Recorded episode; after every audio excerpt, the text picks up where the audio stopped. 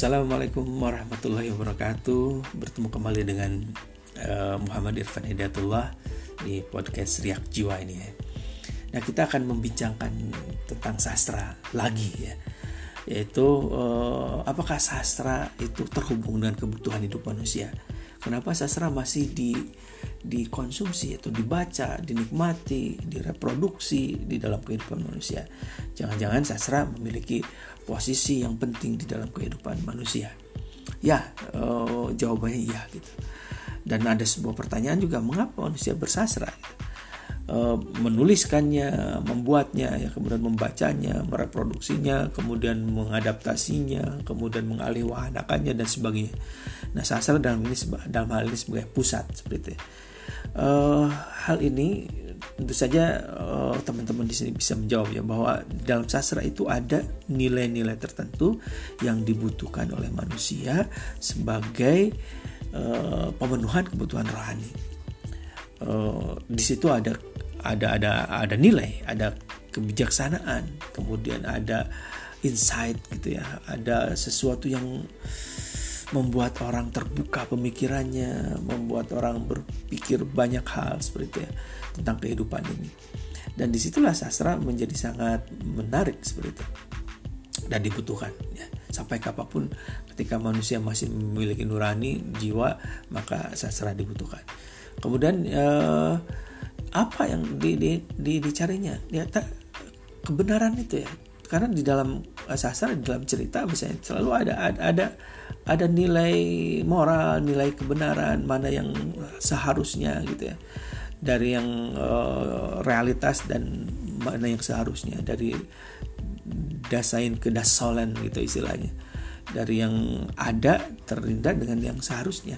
Nah itu kemudian ada nilai-nilai. Dan kebutuhan rohani manusia itu apa istilahnya uh, ada di dalam karya sastra dan untuk menemukan kebenaran yang dicarinya karena kebenaran yang diperoleh lewat daya pikir atau scientific truth itu kadang-kadang dipandang tidak memuaskan gitu. itu ada di dalam karya sastra. Misalnya uh, di dalam ilmu-ilmu yang sangat eksak saintifik gitu itu kemudian nilai menjadi uh, bagaimana orang memakainya kan seperti itu. Tapi di dalam sastra itu terdapat sisi-sisi kemanusiaan seperti itu. Makanya fakultas ilmu budaya gitu ya. Uh, ilmu sastra kemudian apa istilahnya ilmu budaya ada di dalam uh, apa humaniora lah ya, ilmu ilmu kemanusiaan. Kenapa ilmu ilmu kemanusiaan? Ya hubungannya dengan tadi dengan sisi-sisi jiwa manusia yang harus terpenuhi seperti itu. Nah karena itu untuk membangun sebuah bangsa, sebuah negara itu diperlukan pengasahan, pengasuhan literatif gitu ya lewat sastra. Gitu. Makanya literasi menjadi sangat penting di sebuah bangsa. Kemudian sastra menjadi bacaan pada umumnya dari mulai SD sampai tua gitu. Itu karena adanya nilai-nilai yang harus tertanam, ya, nilai kemanusiaan. Jadi sastra adalah cara lain untuk menemukan kebenaran itu selain kitab suci tentu saja ya. Selain uh, di uh, ilmu pengetahuan tadi scientific truth itu. Selain juga filsafat ada sastra juga. Kemudian uh, jenis pengetahuan untuk menemukan kebenaran itu bagaimana sih sebenarnya? Yang pertama ada pengetahuan perseptual ya. Ekstraseptif nama ini uh, diperoleh lewat interaksi dengan benda-benda di luar dirinya. Ya itu pengetahuan. Ketika seseorang uh, apa istilahnya uh, ingin menemukan sesuatu maka dia uh, keluar ya. Keluar dan kemudian ada sesuatu yang ada di luar baik benda dan sebagainya itu berinteraksi dengan kita maka di situ ada pengetahuan perseptual kita mempersepsikan apa dari apa yang kita lihat. Kemudian yang kedua pengetahuan konseptual ya, atau interseptif. Diperoleh lewat apa? Pergulatan pikiran tentang kebenaran keindahan keadilan dan sebagainya Nah, perseptual, konseptual itu uh, ada di dalam karya sastra gitu ya.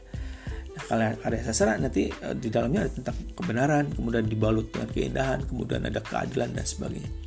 Kemudian reaksi yang muncul ketika manusia menangkap suatu gejala gitu. Ya. Itu ada dua uh, dan ini hubungannya dengan pengetahuan juga. Yang pertama reaksi intelektual dan dan ini me, me, melahirkan ilmu pengetahuan. Gitu uh, ilmu pengetahuan dalam sastra juga ada pengetahuan. Ya misalnya ada uh, formalisme strukturalisme. Itu kan reaksi intelektual setelah uh, membaca karya sastra para ahli sastra. Kemudian dibuatlah sebuah for, formula teoretis terhadap uh, karya sastra atau kesusastraan gitu ya. Nah, muncullah teori-teori sastra, muncullah pendekatan-pendekatan dalam sastra, muncullah metode-metode dan ada metodologinya juga seperti itu. Jadi sekarang sastra juga uh, bagian dari ilmu pengetahuan uh, humaniora seperti itu ya, sosio humaniora dan itu sebagai reaksi intelektual. Tapi ada juga reaksi emosional. Nah, reaksi emosional ini ya bagi bagi penikmat karya sastra tadi jadi sastra bagi pada umumnya manusia juga uh, berfungsi, gitu, berfungsi karena ada reaksi emosional ketika melahirkan uh, apa berinteraksi dengan keindahan sebuah puisi misalnya puisi puisinya seperti Djoko Damono misalnya. Kemudian di situ uh, apa ada ada ada secara emosional kita mengatakan wah oh, ini indah banget gitu. Ini ini ini enak untuk dibaca ini enak untuk dinikmati ini enak enak untuk di share di, disebarkan gitu. Ini enak untuk untuk didiskusikan. Bahkan ini enak uh, menyejukkan hati atau menggelisahkan dan sebagainya nah uh, kemudian itu dari emosional inilah muncul uh, etika estetika gitu ya. Ada sastra ada lukisan ada tarian dan sebagainya. Dan sastra bagian dari reaksi emosional terhadap uh, gejala ya yang ada dan ditangkap oleh oleh manusia manusia pada umumnya seperti ya. Kemudian kalau ada pertanyaan dari mana saja sumber sumber penciptaan karya sastra jadi ada hubungan nih antara bagaimana sastra apa istilahnya uh, di dalam kehidupan ya, kebutuhan hidup manusia sastra dan kebutuhan hidup manusia itu dengan sumber penciptaan sastra. Sumber penulisan sastra itu kan kehidupan nyata kehidupan sehari-hari. Jadi tidak ada karya sastra uh, dan karya seni pada umumnya yang tidak bersumber pada kehidupan nyata di sekeliling manusia ini makanya ada semacam uh, apa istilahnya siklus ya. Sastra menciptakan uh, kehidupan rekaan gitu yang kemudian dipelajari di dinikmati kemudian dijadikan uh, masukan ya kemudian sebagai kebenaran alternatif seperti itu. Uh, dan sebaliknya pengarang juga me, atau penulis melihat realitas lihat keindahan realitas ke kebenaran realitas atau kegagalan realitas untuk kemudian diambil menjadi karya sastra. Jadi eh, kehidupan nyata adalah sumber penciptaan karya sastra.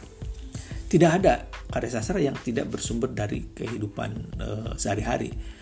Walaupun karya sastra itu misalnya karya sastra eh, fantasi misalnya atau distopia dan sebagainya karya-karya sastra yang kemudian di dalamnya ada rekaan yang ekstrim ya, yang ekstrim itu tetap itu bisa jadi itu adalah metafora dari realitas yang dilihat oleh si penulisnya. Misalnya penulis melihat uh, korupsi ya atau narkoba bagi remaja, dia tidak ingin menuliskannya secara realis gitu.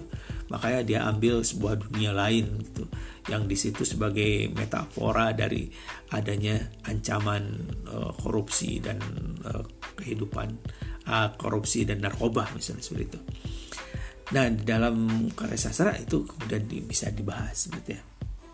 Oleh karena itu, oleh karena itu memahami karya sastra pada dasarnya adalah memahami kehidupan juga. Jadi kita bisa melihat ketika kita kita kita membaca karya sastra, kita bisa merasakan lah bahwa kita terkoneksi dengan kehidupan. Walaupun misalnya ada karya sastra populer ya, yang populer sekalipun, misalnya di situ ada ayat-ayat cinta, ada Dilan gitu, kemudian juga ada uh, karya-karya ikan Natasha misalnya yang difilmkan dan sebagainya gitu banyak karya-karya populer atau balada siro seperti itu ya. Oh, dan sebagainya itu sepopuler populernya karya sastra di situ ada nilai gitu ya. ada sesuatu yang yang kemudian uh, apa istilahnya merefleksikan kehidupan. Merefleksikan kehidupan. Cuma dikemas dengan cara yang lebih sederhana saja seperti itu ya, jadi memahami kehidupan. Kita memahami kehidupan uh, remaja bagaimana memahami kehidupan orang dewasa, memahami kehidupan di pelosok uh, pedesaan misalnya di Banyumas gitu. Uh, itu kemudian uh, kita bisa melihat karya-karya Ahmad Tohari bahkan kehidupan saat tahun apa tahun-tahun 60-an kita bisa melihat uh, dalam karya-karya uh, pengarang tertentu misalnya seperti itu ya. Nah, Jacobus apa istilahnya Muhtar Lubis ya. Di dalam Muhtar Lubis kita bisa melihat periode-periode orde lama gitu ke, arah orde baru seperti itu. Dan kemudian tentang PKI juga bisa dilihat dalam karya-karyanya Lekra Lekra gitu atau atau misalnya dalam karya-karya Topik Ismail misalnya eh, kritikan terhadap, kritikan terhadap uh, PKI atau misalnya estetika-estetika yang ada dari uh, apa leka seperti itu. Nah itu kan kehidupan di di di apa istilahnya di capture gitu, dibidik kemudian di diambil dan di di diabadikan di dalam karya sastra melalui kata-kata. Jadi uh, ketika kita membaca karya sastra kita sedang memahami kehidupan, memahami sejarah, memahami nilai seperti itu ya. Jadi tidak ada alasan manusia tidak dapat memahami karya sastra karena ya uh, seperti bercermin ya ketika kita membaca karya sastra maka kita sedang membaca diri kita sendiri seperti itu. Nah uh, kemudian bagaimana caranya kita memahami karya sastra? Nah karena ini uh, hanya pengantar gitu ya tentang ilmu sastra gitu ya. Uh, jadi secara umum terlebih dahulu nanti bisa kita diskusikan berhubungan dengan uh, telah-telahnya gitu, teori-teorinya dan sebagainya. Nah, uh, bekal untuk pemahaman karya sastra itu yang pertama adalah kepekaan. Kepekaan ya, bukan kepekaan. Kalau kepekaan itu kita tidak bisa dengar pekak gitu ya, peka tapi kalau PK PK itu sensitif kita kita kita mudah untuk uh, apa berempati gitu bersimpati pada sesuatu itu PK namanya nah uh, dengan kepekaan kita kemudian kita bisa melihat uh, sebuah karya sastra itu sangat berfungsi di dalam kehidupan.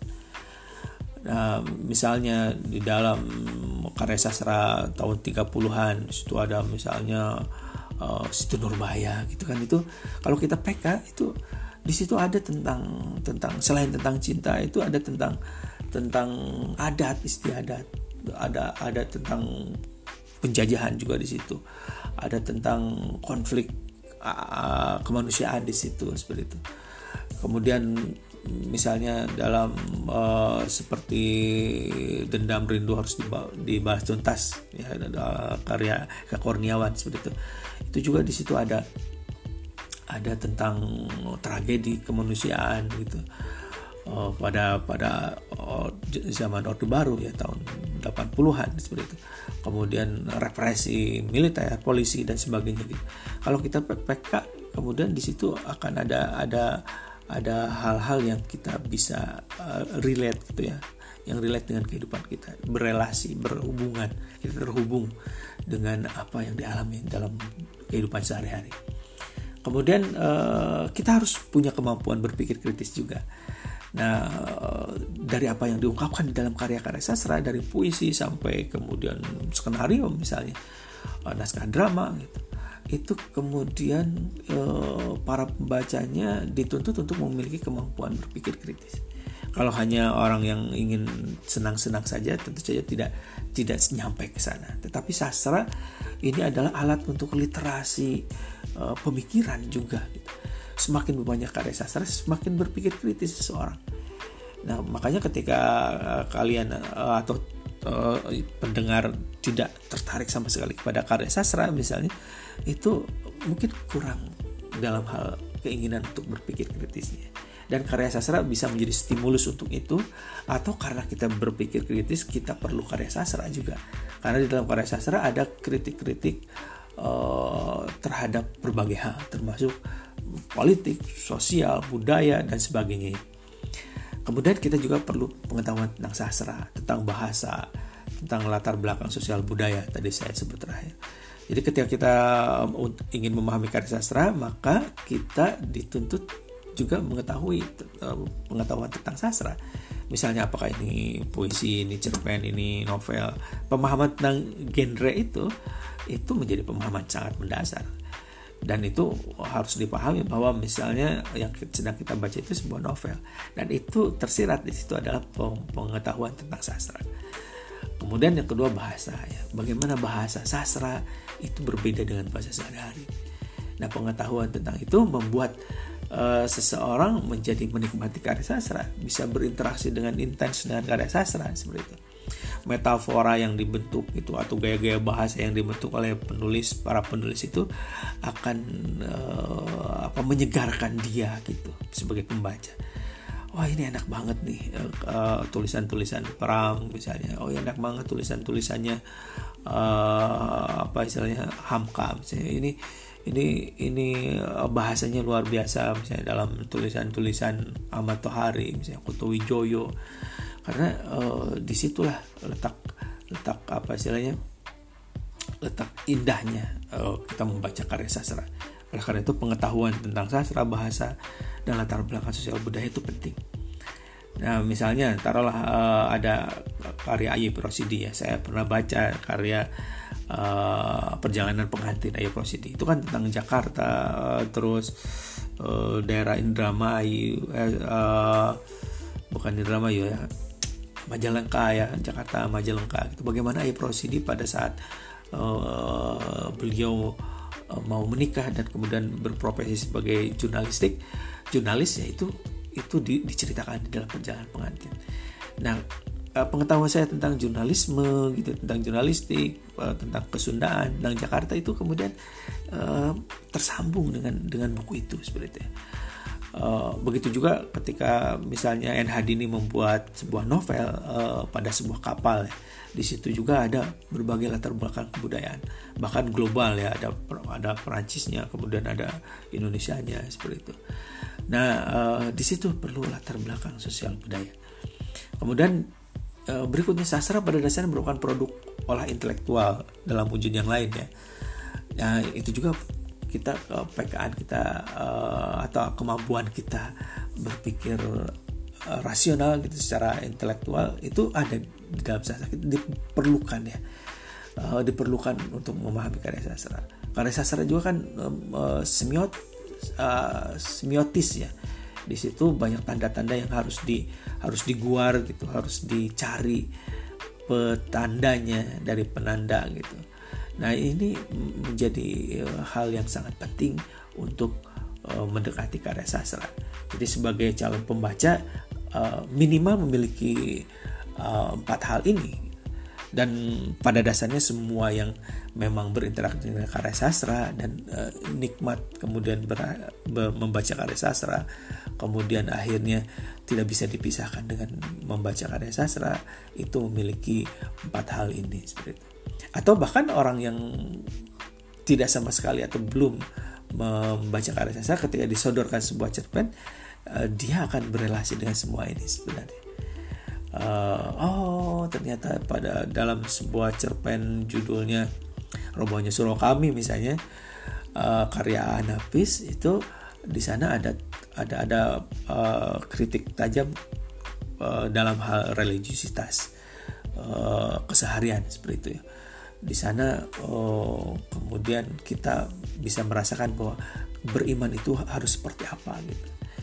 Nah itu tanda gitu. itu, itu itu tanda yang kemudian diwakili oleh oleh bahasa-bahasa yang diungkapkan di dalam cerpen itu di baliknya ada ada realitas-realitas yang terwakili oleh tanda-tanda itu dan kita menjadi kaya menjadi uh, apa istilahnya terwakili ya kekritisan kita bahkan oh saya baru mengetahui bahwa ini itu adalah sesuatu yang salah misalnya seperti itu. Nah, uh, Anafis ini juga hampir se, se paralel ya dengan apa yang diungkapkan oleh cerpennya Wijoyo ya. Ada burung kecil di atas dahan atau apa ya judulnya itu lupa lagi nih tepatnya. Tapi di situ ada seorang khatib uh, tidak jadi khutbah karena dia uh, melihat anak kecil ingin menyelamatkan burung gitu ya mengambil burung di sebuah dahan gitu nah kemudian dia dia berinteraksi dengan anak kecil itu dan pohon dan burung itu. Sampai akhirnya uh, tidak jadi khutbah kemudian dia sholat uh, zuhur aja tidak sholat jumat nah itu kan secara secara filosofis mengatakan bahwa aspek kemanusiaan bisa didahulukan terlebih dahulu daripada yang yang ritual seperti itu karena ada ada ruhsoh kalau dalam agama itu nah hal-hal seperti itu itu ada biasanya muncul di dalam karya-karya sastra dan dan itu menarik untuk untuk dipahami gitu bahwa dalam karya sastra banyak hal banyak insight ya.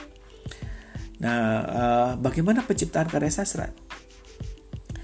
Mungkin di sini ada ada yang sudah menuliskan karya sastra sekian banyak gitu atau sudah terbiasa dimuat cerpennya, puisinya seperti itu. Uh, yang jelas karya sastra itu adalah uh, penyikapan kita atau tindak lanjut kita memahami realitas, kemudian uh, dikreasikan atau realitas ditambah kreativitas itu kemudian ada karya sastra. Kalau realitas kemudian tidak ditindak kreatifkan itu tidak akan ada karya sastra. Atau ditambah satu lagi sebenarnya realitas ditambah kre, kre, kre, apa, kreativitas eh, ditambah imajinasi misalnya itu menjadi karya sastra. Nah karya sastra akan ada kalau ada kreativitas kebayang kan kalau misalnya para penulis itu tidak kreatif seperti itu maka realitas itu akan menjadi realitas ansih gitu. Realitas saja e, berlalu begitu saja tidak ada hikmah gitu. Makanya sastra itu adalah sebuah media untuk mengungkapkan hikmah. Dan karya sastra di dalamnya ada hikmah. Dan hikmah itu bisa ada bisa dibaca oleh siapa pun kalau ada kreativitas kalau ada penulisnya. Nah, sebuah bangsa akan sangat miskin sekali kalau tidak ada para para sastrawan yang kemudian kreatif membuat novel yang lewatnya kemudian uh, masyarakat itu terbantu untuk uh, dikayakan rohaninya seperti itu. Uh, makanya ya perjuangan literasi itu luar biasa diperlukan di bangsa ini. Itu saja uh, untuk kesempatan bincang sastra kali ini. Terima kasih. Assalamualaikum warahmatullahi wabarakatuh.